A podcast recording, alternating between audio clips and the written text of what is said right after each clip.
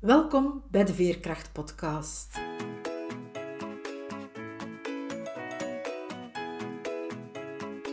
Ik ben Veerle Schaltien, levensverhalen en schrijfcoach.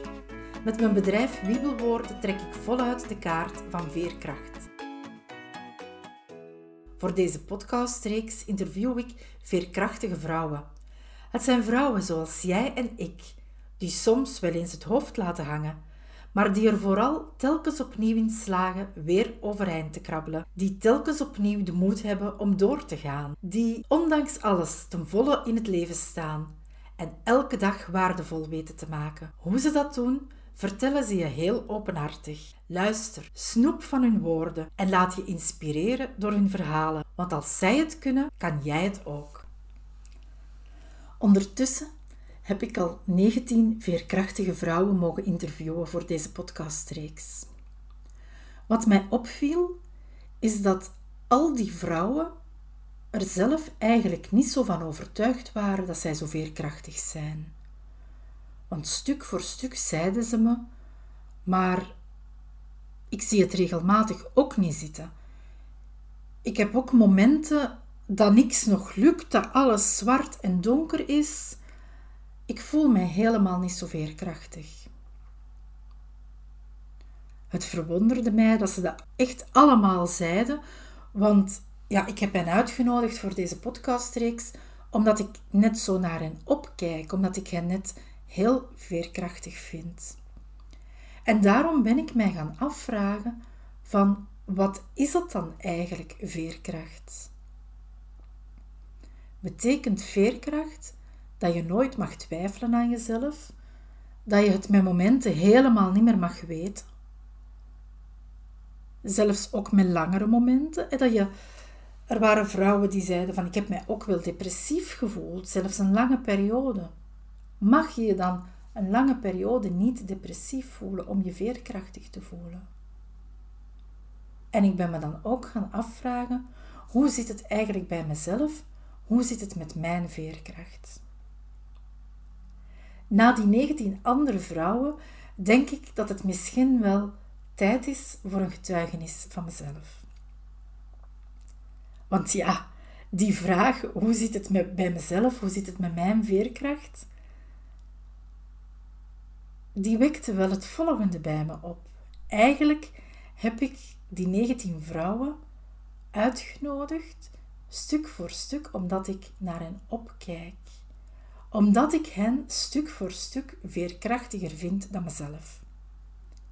Nu, en daar klopt al iets niet, want waarom zou ik die vrouwen vergelijken met mezelf? Iedereen maakt dingen mee in het leven. En dat zijn soms kleine dingen, dat zijn soms grote dingen. Ik ben er heel erg van overtuigd dat mensen die in dit leven ogenschijnlijk maar kleine dingen meemaken, dat die wel in hun familiesysteem dingen hebben zitten die het leven hier toch niet zo gemakkelijk maken. En dat zijn dan dingen die misschien niet zo zichtbaar zijn voor Jan en Alleman, maar wel dingen waar zij onbewust mee worstelen. Of het kan ook zijn dat de mensen die hier ogenschijnlijk met hun gat in de boter gevallen zijn, zoals wij dat zeggen, in vorige levens wel al heel wat te verwerken gekregen hebben. Dus dat gaan vergelijken met anderen, dat is al iets dat eigenlijk overbodig is en dat je veerkracht misschien onder druk zet. En dat is dan iets dat ik bij mezelf moet toegeven, dat ik te vaak ga vergelijken met anderen, terwijl het om mijn eigen leven gaat. Veerkracht, ik heb dat ook in vorige afleveringen al gezegd. Ik zie dat als een veer of als een rek die meebeweegt, die uitrekt en inkrimpt en ja, die soms ook gespannen kan staan en zelfs knappen. En dan moet ik toegeven dat mijn rek vaak gespannen staat en ook al eens geknapt is. Net zoals die vrouwen, nu ben ik weer aan het vergelijken uiteraard, maar net zoals de mensen die ik uitgenodigd heb voor mijn podcast ook vertelden dat ook hun rek regelmatig gespannen staat, knapt en dat ze het dan eigenlijk niet meer weten. Zijn we daarom niet veerkrachtig? Nee, dat denk ik niet.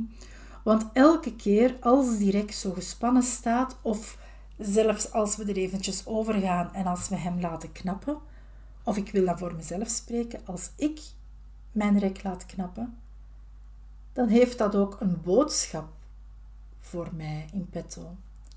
Ik weet dan van, oh, hier is iets gebeurd dat niet oké is voor mij, maar dit is een uitnodiging om het voortaan anders aan te pakken. Dit is een uitnodiging om hiervan te leren.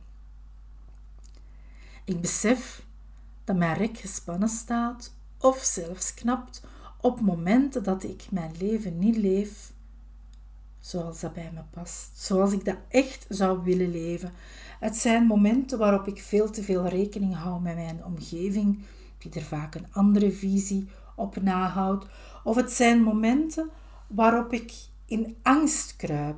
Bijvoorbeeld omdat de maatschappij helemaal verandert in een maatschappij waarin ik me niet kan vinden. Als ik naar moment nu kijk, er wordt heel veel gepolariseerd en,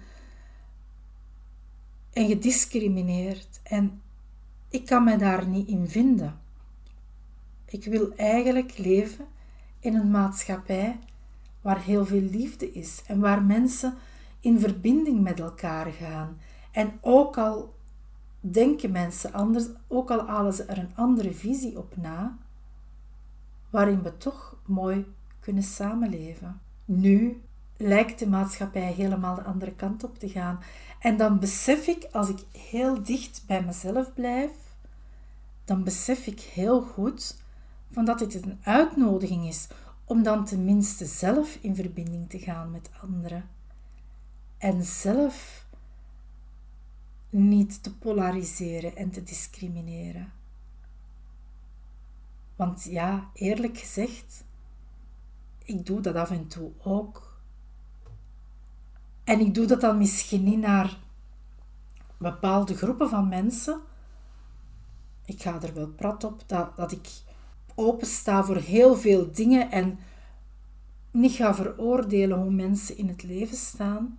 Maar als het dan mensen zijn die dicht bij mezelf zijn, dan kijk ik nog maar naar mijn eigen moeder, die er een hele andere levensvisie op nahoudt als ik, dan vind ik dat al heel wat moeilijker om haar niet te gaan veroordelen daarvoor. Het liefst zou ik willen dat zij denkt zoals ik, dat we op dezelfde manier in het leven staan. Dat zou het voor mij een heel stuk gemakkelijker maken. Maar net doordat zij anders is en door toch ook te kijken in naar wat spiegelt zij in haar anders zijn, kan ik van haar heel veel leren. En niet alleen van haar, ik ben ervan overtuigd dat iedereen die op ons pad komt en alles wat dat er tijdens ons leven gebeurt, een les voor ons heeft. Nu, veerkracht is voor mij me daarvan bewust zijn en niet in die angst kruipen. Durven voelen ook wat bepaalde mensen, de manier waarop zij in het leven staan en bepaalde omstandigheden met mij doen. Durven voelen. En tegelijk is dat een moeilijke, want ik kom uit een familie waarin het de gewoonte is van weg te kijken van de dingen. Is er iemand ernstig ziek, dan gaan ze in onze familie zeggen: Ach, het komt wel goed. Ook als iedereen eigenlijk in zijn binnenste weet dat het niet meer goed komt. Zijn we tristig? Dan gaan we dat niet voelen, dan gaan we daar echt van wegvluchten. We gaan eten om niet te hoeven voelen hoe tristig dat we zijn, hoeveel pijn dat dingen doen. Eten of drinken zelfs. Dus ik kom uit een familie waarin er niet gevoeld wordt, waarin er weggekeken wordt en waarin ik geleerd heb vanzelf ook weg te kijken en niet te voelen. En hoe doe ik dat? Ja, als ik mij slecht voel, dan ga ik eten. Ik ben een emo-eter. Of ik ga voor een volle agenda zorgen. En als dan mijn rek te hard gespannen staat omdat mijn agenda zo vol is, dan ga ik ook van die agenda wegkijken. En dan ga ik misschien op sociale media zitten, veel langer dan goed voor me is. Omdat je dan ook niet, niet moet voelen. Ondertussen heb ik al een heel proces doorgemaakt. Ik ben ook al heel lang met schrijven bezig. En schrijven is voor mij een manier om toch te voelen. Om in mijn lijf te zakken en te voelen. Nu natuurlijk, wij hebben ons hoofd ook gekregen. Want ik besef wel dat ik moeite ga doen om te voelen. En ik ga mijn hoofd dan een beetje veroordelen. Zo van, hoe ben je weer aan het denken? Zit je weer zo vol? We hebben dat hoofd ook voor iets gekregen, anders zouden we zonder hoofd geboren zijn. Dus het hoofd is ook wel belangrijk dat we dat gebruiken, maar het is goed dat we dat laten samenwerken met ons gevoel. En het is vooral daarbij dat schrijven mij helpt om de verbinding te leggen tussen mijn hoofd en mijn hart. Schrijven helpt me ook om dingen los te laten en vooral om de verhalen die ik over mezelf vertel los te laten. Een verhaal dat ik zo vertel aan mezelf is dat ik moet strijden, dat het leven een strijd is. Ik heb ooit het eerste jaar van de hogeschool of zo tijdens de middagpauze op bord geschreven: Het leven is een strijd als je met een varken vrijt. Nu, ik heb nooit met een varken gevreden, dus eigenlijk kon ik dat ook niet weten. Maar het leven is een strijd, is iets waar ik heel lang van overtuigd geweest ben.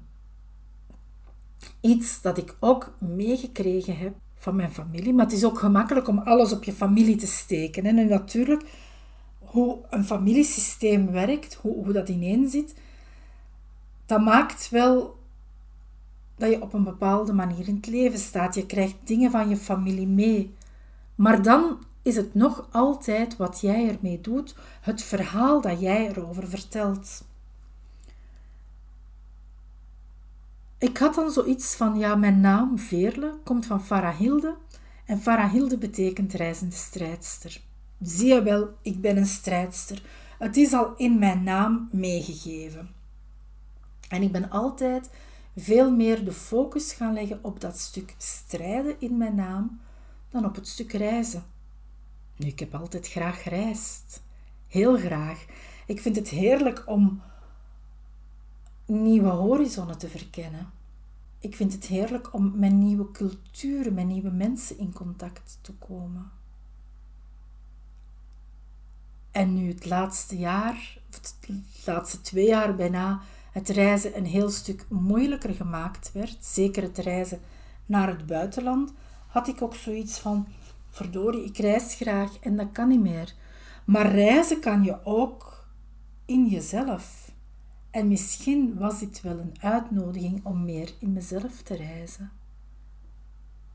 Het was vooral geen uitnodiging, denk ik, om de nadruk te blijven leggen op het strijden in mijn naam, wat dat ik helaas, zeker in het begin van heel die situatie, wel gaan doen ben. Want ja, ik ben nu eenmaal een strijdster. Dat is het verhaal dat ik mezelf heb verteld. Door te schrijven en ook daarover te schrijven, besef ik dat ik dat strijden kan loslaten. En dat ik kan meebewegen met wat er is. Ik kan meebewegen met de mensen rondom mij, die ik trouwens zelf in mijn leven toelaat. Ook al denken zij anders dan ik. Dat betekent niet dat ik hun visie moet gaan overnemen, dat wil ik ook helemaal niet. Ik ben fier op mijn eigen visie, op hoe ik in het leven sta. Maar ik kan wel met hen samenleven, ook al denken we anders. Ik hoef de strijd met hen niet aan te gaan. Het leven brengt dingen op mijn pad, het leven brengt mensen op mijn pad. En dat zijn eigenlijk leermeesters voor mij. Iedereen die ik tegenkom, kan mij iets leren. Als ik zelf de les maar wil leren. En misschien is dat veerkracht voor mij van open te staan om die lessen te leren die iedereen mij brengt. En daarvoor openstaan, om dat te kunnen, moet ik uiteraard mijn oude verhaal loslaten. Zo'n ander verhaal dat ik altijd over mezelf verteld heb, is dat ik hier niet gewenst ben op de wereld. Mijn ouders hadden mij niet echt gepland. Op een bepaald moment bleken zij zwanger te zijn. Hoe dat dan juist allemaal gegaan is, ik heb dat aan mijn vader proberen te vragen, kort voordat hij gestorven is. hij was heel erg ziek en we wisten dat hij niet lang meer te leven had. En ik had toen zoiets van: ik wil hier schoon schip maken, ik wil nog een aantal dingen vragen. Maar ja, ik kan dat wel willen. Hij was niet echt bereid om daarover te vertellen. Dus hoe dat juist allemaal gegaan is, dat weet ik niet. Ik weet wel dat in zo'n situatie dat je altijd voor een abortus kan kiezen. En om de een of andere reden hebben mijn ouders niet voor abortus gekozen. Dus ze hebben wel gekozen voor het kind dat zij verwekten. Ze hebben ervoor gekozen mij op de wereld te zetten. Dus ik ben wel gewenst. Maar ik had in mijn hoofd gestoken van ja, ze hebben mij niet hè, gepland en naar mij toegeleefd. En zoals ik verwacht dat ouders dat wel doen. Maar dat zijn mijn verwachtingen. En naast het feit dat zij in die moeilijke omstandigheden toch voor mij gekozen hebben, ben ik er ook gekomen omdat het universum mij gewenst heeft, omdat ik hier op de wereld wel een taak heb. Dus ook dat is een verhaal dat ik heb los te laten. Of al losgelaten heb hoor. Dat strijden, dat zit zo nog altijd een beetje in mij. Maar het feit van niet gewenst te zijn op de wereld is een verhaal dat ik kunnen loslaten heb door heel veel te schrijven. Loslaten is iets dat mij heel erg helpt om veerkrachtiger in het leven te staan. En de momenten waarop ik mezelf niet zo veerkrachtig vind, de momenten waarop ik het moeilijk heb en het niet meer zie zitten, zijn momenten waarop ik besef dat ik dingen los te laten heb. Dus nu zeg ik eigenlijk zelf de momenten waarop ik mij niet zo veerkrachtig voel, maar tegelijk wil ik daar ook van af. Het is niet omdat je je niet goed voelt en omdat je het eventjes donker ziet, dat je niet veerkrachtig bent.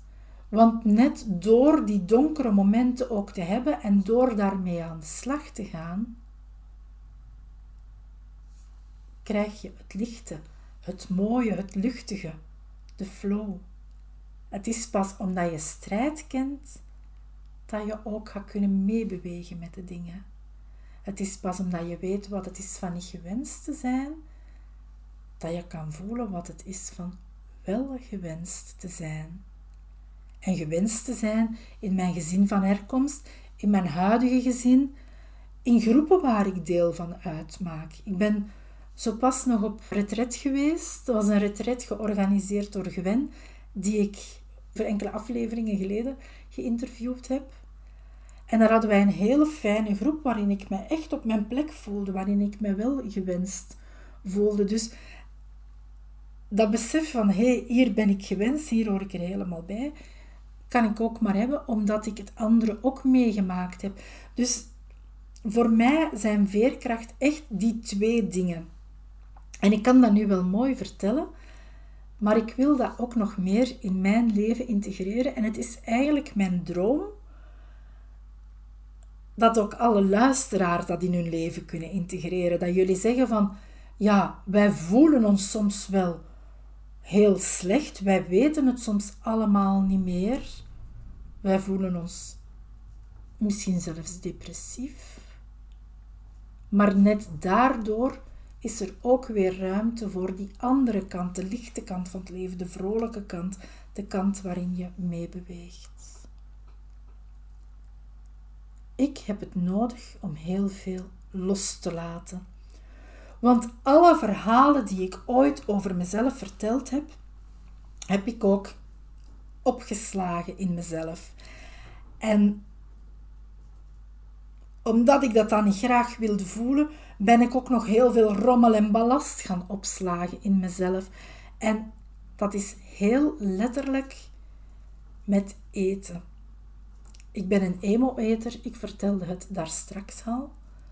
Ik weet nogthans heel goed hoe ik gezond moet eten en ik heb dat met periodes ook echt wel gedaan. Maar als mijn rek zo wat gespannen staat, dat is altijd in een periode waarin ik mij weer echt overgeef aan dat emo-eten, aan die eetbuien. En dan besef ik, toch na een poos, want anders moest ik het meteen beseffen, dan, dan zou, ik, zou ik niet emo eten.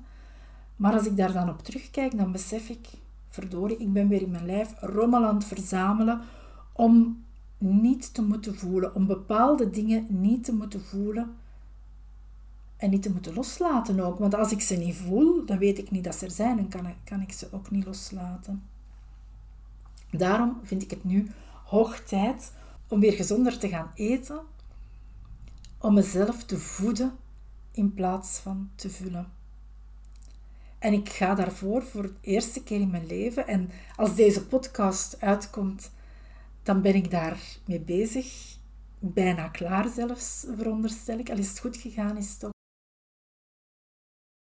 Ik wil nu niet zeggen dat iedereen een detoxkuur moet doen om veerkrachtig in het leven te staan, maar dit is wat ik op dit moment voel, wat ik voor mezelf nodig heb. De rommel in mijn lijf opruimen. En niet alleen de rommel in mijn lijf, maar ook de rommel in mijn huis. Want ik ben een verzamelaar. Ik verzamel van alles en nog wat.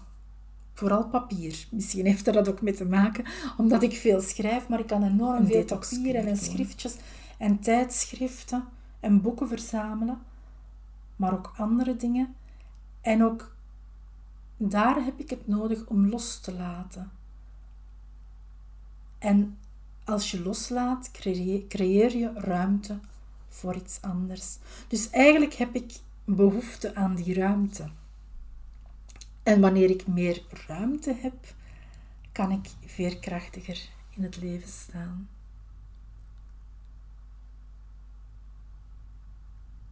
Ik ben momenteel in zo'n periode dat ik voel van ik moet weer heel, heel erg aan mezelf werken. Ik moet of ik wil, ik heb het nodig. Want moeten vind ik een vies woord. Eigenlijk moet er niks, we kiezen zelf. Ik kies zelf wat voor mij belangrijk is. En ik heb het nu nodig om echt aan mezelf te werken. En om daar de tijd voor te nemen ook. Dus dat is ook iets dat mij wel helpt veerkrachtig in het leven te staan, van tijd te nemen voor mezelf. En dat is dan te gaan dauwtrappen. Dauwtrappen is morgens met blote voeten in het natte gras, als er nog dauw op het gras is maar ook gaan wandelen in het bos. Aan een water zitten, een vijvertje of zo, daar zitten en daar gewoon zitten mijmeren, creatief bezig zijn. Dat zijn dingen die ik nodig heb om weer in mijn lichaam te komen en te voelen. Dan mogen voelen wat dat er is en dan kunnen beseffen van dat alles oké is, kunnen aanvaarden wat er ook is, wat niet altijd gemakkelijk gaat. Dat helpt mij toch wel veerkrachtig in het leven te staan. En ik heb daarvoor periodes nodig waarbij ik echt in mezelf keer. En dan vind ik soms een voltijdse job. En misschien merken jullie dat dan ook wel op die momenten dat ik op sociale media niet zo actief ben, dat ik het ook moeilijk heb om dingen in de wereld te zetten. Maar ik heb dat regelmatig nodig. Het terugkeren naar mezelf en het aan mezelf mogen werken. Op allerlei manieren. Dus ja, hoe zit het bij mezelf? Ben ik veerkrachtig? Ik voel het net zoals de andere mensen die ik interview, de ene keer meer dan de andere. Maar ik ben wel veerkrachtig, dat durf ik wel zeggen, Omdat ik, wat me ook overkomt en hoe ik me ook voel, dat ik besef dat alles een les inhoudt. En die veerkracht is voor mij de moed hebben die les te leren. De moed hebben hetgene wat mij aangeboden wordt ook aan te gaan, er iets mee te doen. En ik geef toe, de ene keer gaat dat niet zoveel tijd in beslag nemen, dan bedoel ik, voor ik die klik maak. He, dus er overkomt mij iets, ik zie het niet meer zitten. De ene keer ga ik daar langer blijven inzitten dan de andere keer. Maar altijd opnieuw ga ik toch op een bepaald moment de moed hebben om de les die, het, ja, die hetgene wat mij overkomt inhoudt te leren. Om weer aan het roer van mijn leven te gaan staan. Want misschien is dat wel veerkracht, dat je aan het roer van jouw leven staat. En het hoeft allemaal niet zo moeilijk te zijn. Ik besef dat ik het vaak veel moeilijker maak dan dat het eigenlijk is. Maar ook dat houdt een les in. Het feit dat ik dat nu al besef, is ook weer iets waar dat ik mee aan de slag kan gaan. Dus ja, ik ben op mijn manier veerkrachtig, zoals ik er ook van overtuigd ben dat jij als luisteraar veerkrachtig bent. Misschien voel je het niet op dit moment, maar die veerkracht zit in jou. Volgens mij zit die veerkracht in iedereen. We hebben al veerkracht nodig gehad om hier op de wereld te komen. Want ja, we zijn in een baarmoeder groot geworden. Nee, groot geworden. We zijn daar negen maanden gegroeid. En die buik van de moeder, van de vrouw waarin wij die negen maanden mochten groeien, die werd al maar dikker, die maakte ruimte voor ons. Maar dan moesten wij ons wel door dat heel smalle geboortekanaal wringen om op de wereld te komen. Ik heb daar geen herinneringen meer aan en ik veronderstel dat weinigen daar nog, zich dat nog zullen herinneren. Herinneren begint normaal vanaf twee, drie jaar, maar er zijn natuurlijk wel methodes waardoor je nog dingen van vroeger kan herinneren, zelfs van vroegere levens. Maar ik ga ervan uit dat de meesten zich de geboorte op zich, dat wringen door het geboortekanaal, niet meer herinneren. Ik kan me wel indenken dat dat een hele donkere, enge tunnel moet geleken hebben. En ook zo dat, dat, er wel angst bij kwam, want ja, je moest die tunnel door, je wist niet hoe lang dat die was. En waar kwam je terecht? Dat wist je ook niet. Dus het lijkt mij dat om die weg te gaan, dat daar al heel veel veerkracht voor nodig geweest is. Nu zijn er sommigen onder jullie die misschien zeggen van ja, maar ik ben met een keizersnede geboren. Mijn zoon is ook met een keizersnede geboren. Maar ook dan, je zat daar in die veilige omgeving van die baarmoeder, die buik van je moeder. En dan maakte iemand, je hebt dat niet gekozen. Op het moment dat jij niet gekozen hebt, maakte iemand een snede in die baarmoeder en werd jij daar plots uitgehaald. En jij moest gaan ademen in die koude, kille wereld, die heel anders was dan die veilige baarmoeder. Dus ook in dat geval had jij wel veerkracht nodig, de moed nodig om te gaan ademen. En ondertussen hebben jullie allemaal, ik en jij die luistert, de moed om dag in dag uit te blijven ademen. En de ene keer gaat het al gemakkelijker dan de andere, maar we blijven het wel doen. Dus ja, ik ben veerkrachtig. Ja, jij bent veerkrachtig. Ik hoop dat mijn getuigenis jou ook iets gebracht heeft. De volgende keren ga ik terug andere veerkrachtige vrouwen interviewen, die zowel mij als jullie kunnen inspireren. Maar ik wilde vandaag graag mijn verhaal vertellen. Ik voelde dat ook mijn verhaal gehoord mocht worden, dat het ja, gehoord mocht worden, dat het tijd was om het in de wereld te brengen. Ik zal het zo zeggen. Aan de andere vrouwen die ik interview vraag ik op het einde van de podcast nog één tip om veerkrachtiger in het leven te staan. En ik wil jullie ook mijn ultieme, en voor zover iets ultiem is, ultieme tip meegeven. En dat is dan wel, laat de verhalen die je over jezelf vertelt los. Want door die verhalen die we vertellen, zitten we in een bepaald patroon en gaan we daar ook naar leven. En als dat een verhaal is van ik ben een strijdster, ik ben een strijdster, het gaat moeilijk in mijn leven, voor mij is geen plezier of geen geluk weggelegd, dan blijf je in dat verhaal zitten.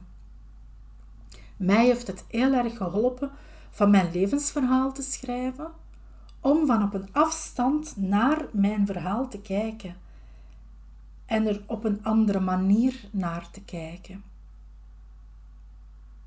Daardoor kan je het oorspronkelijke verhaal, dat je jezelf vertelde bedoel ik dan, loslaten. Want dan zie je, hé, hey, maar er zijn nog andere waarheden dan de waarheid die ik mezelf altijd heb verteld.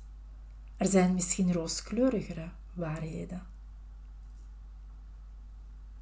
En niet alleen het schrijven van mijn levensverhaal, maar ook het dagelijks schrijven, want ik schrijf bijna dagelijks. Ik heb een ochtendritueeltje dat ik bijna elke ochtend doe.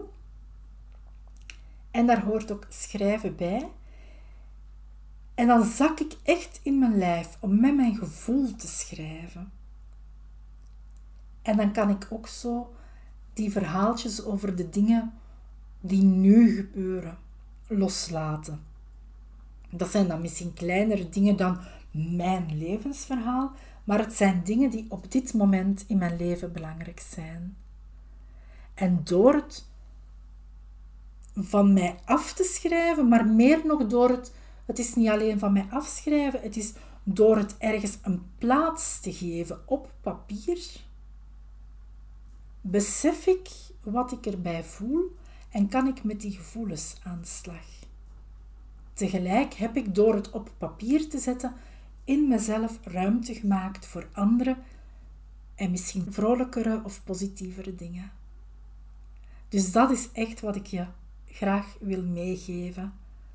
Laat die verhalen, vooral die beperkende verhalen die je over jezelf vertelt, los.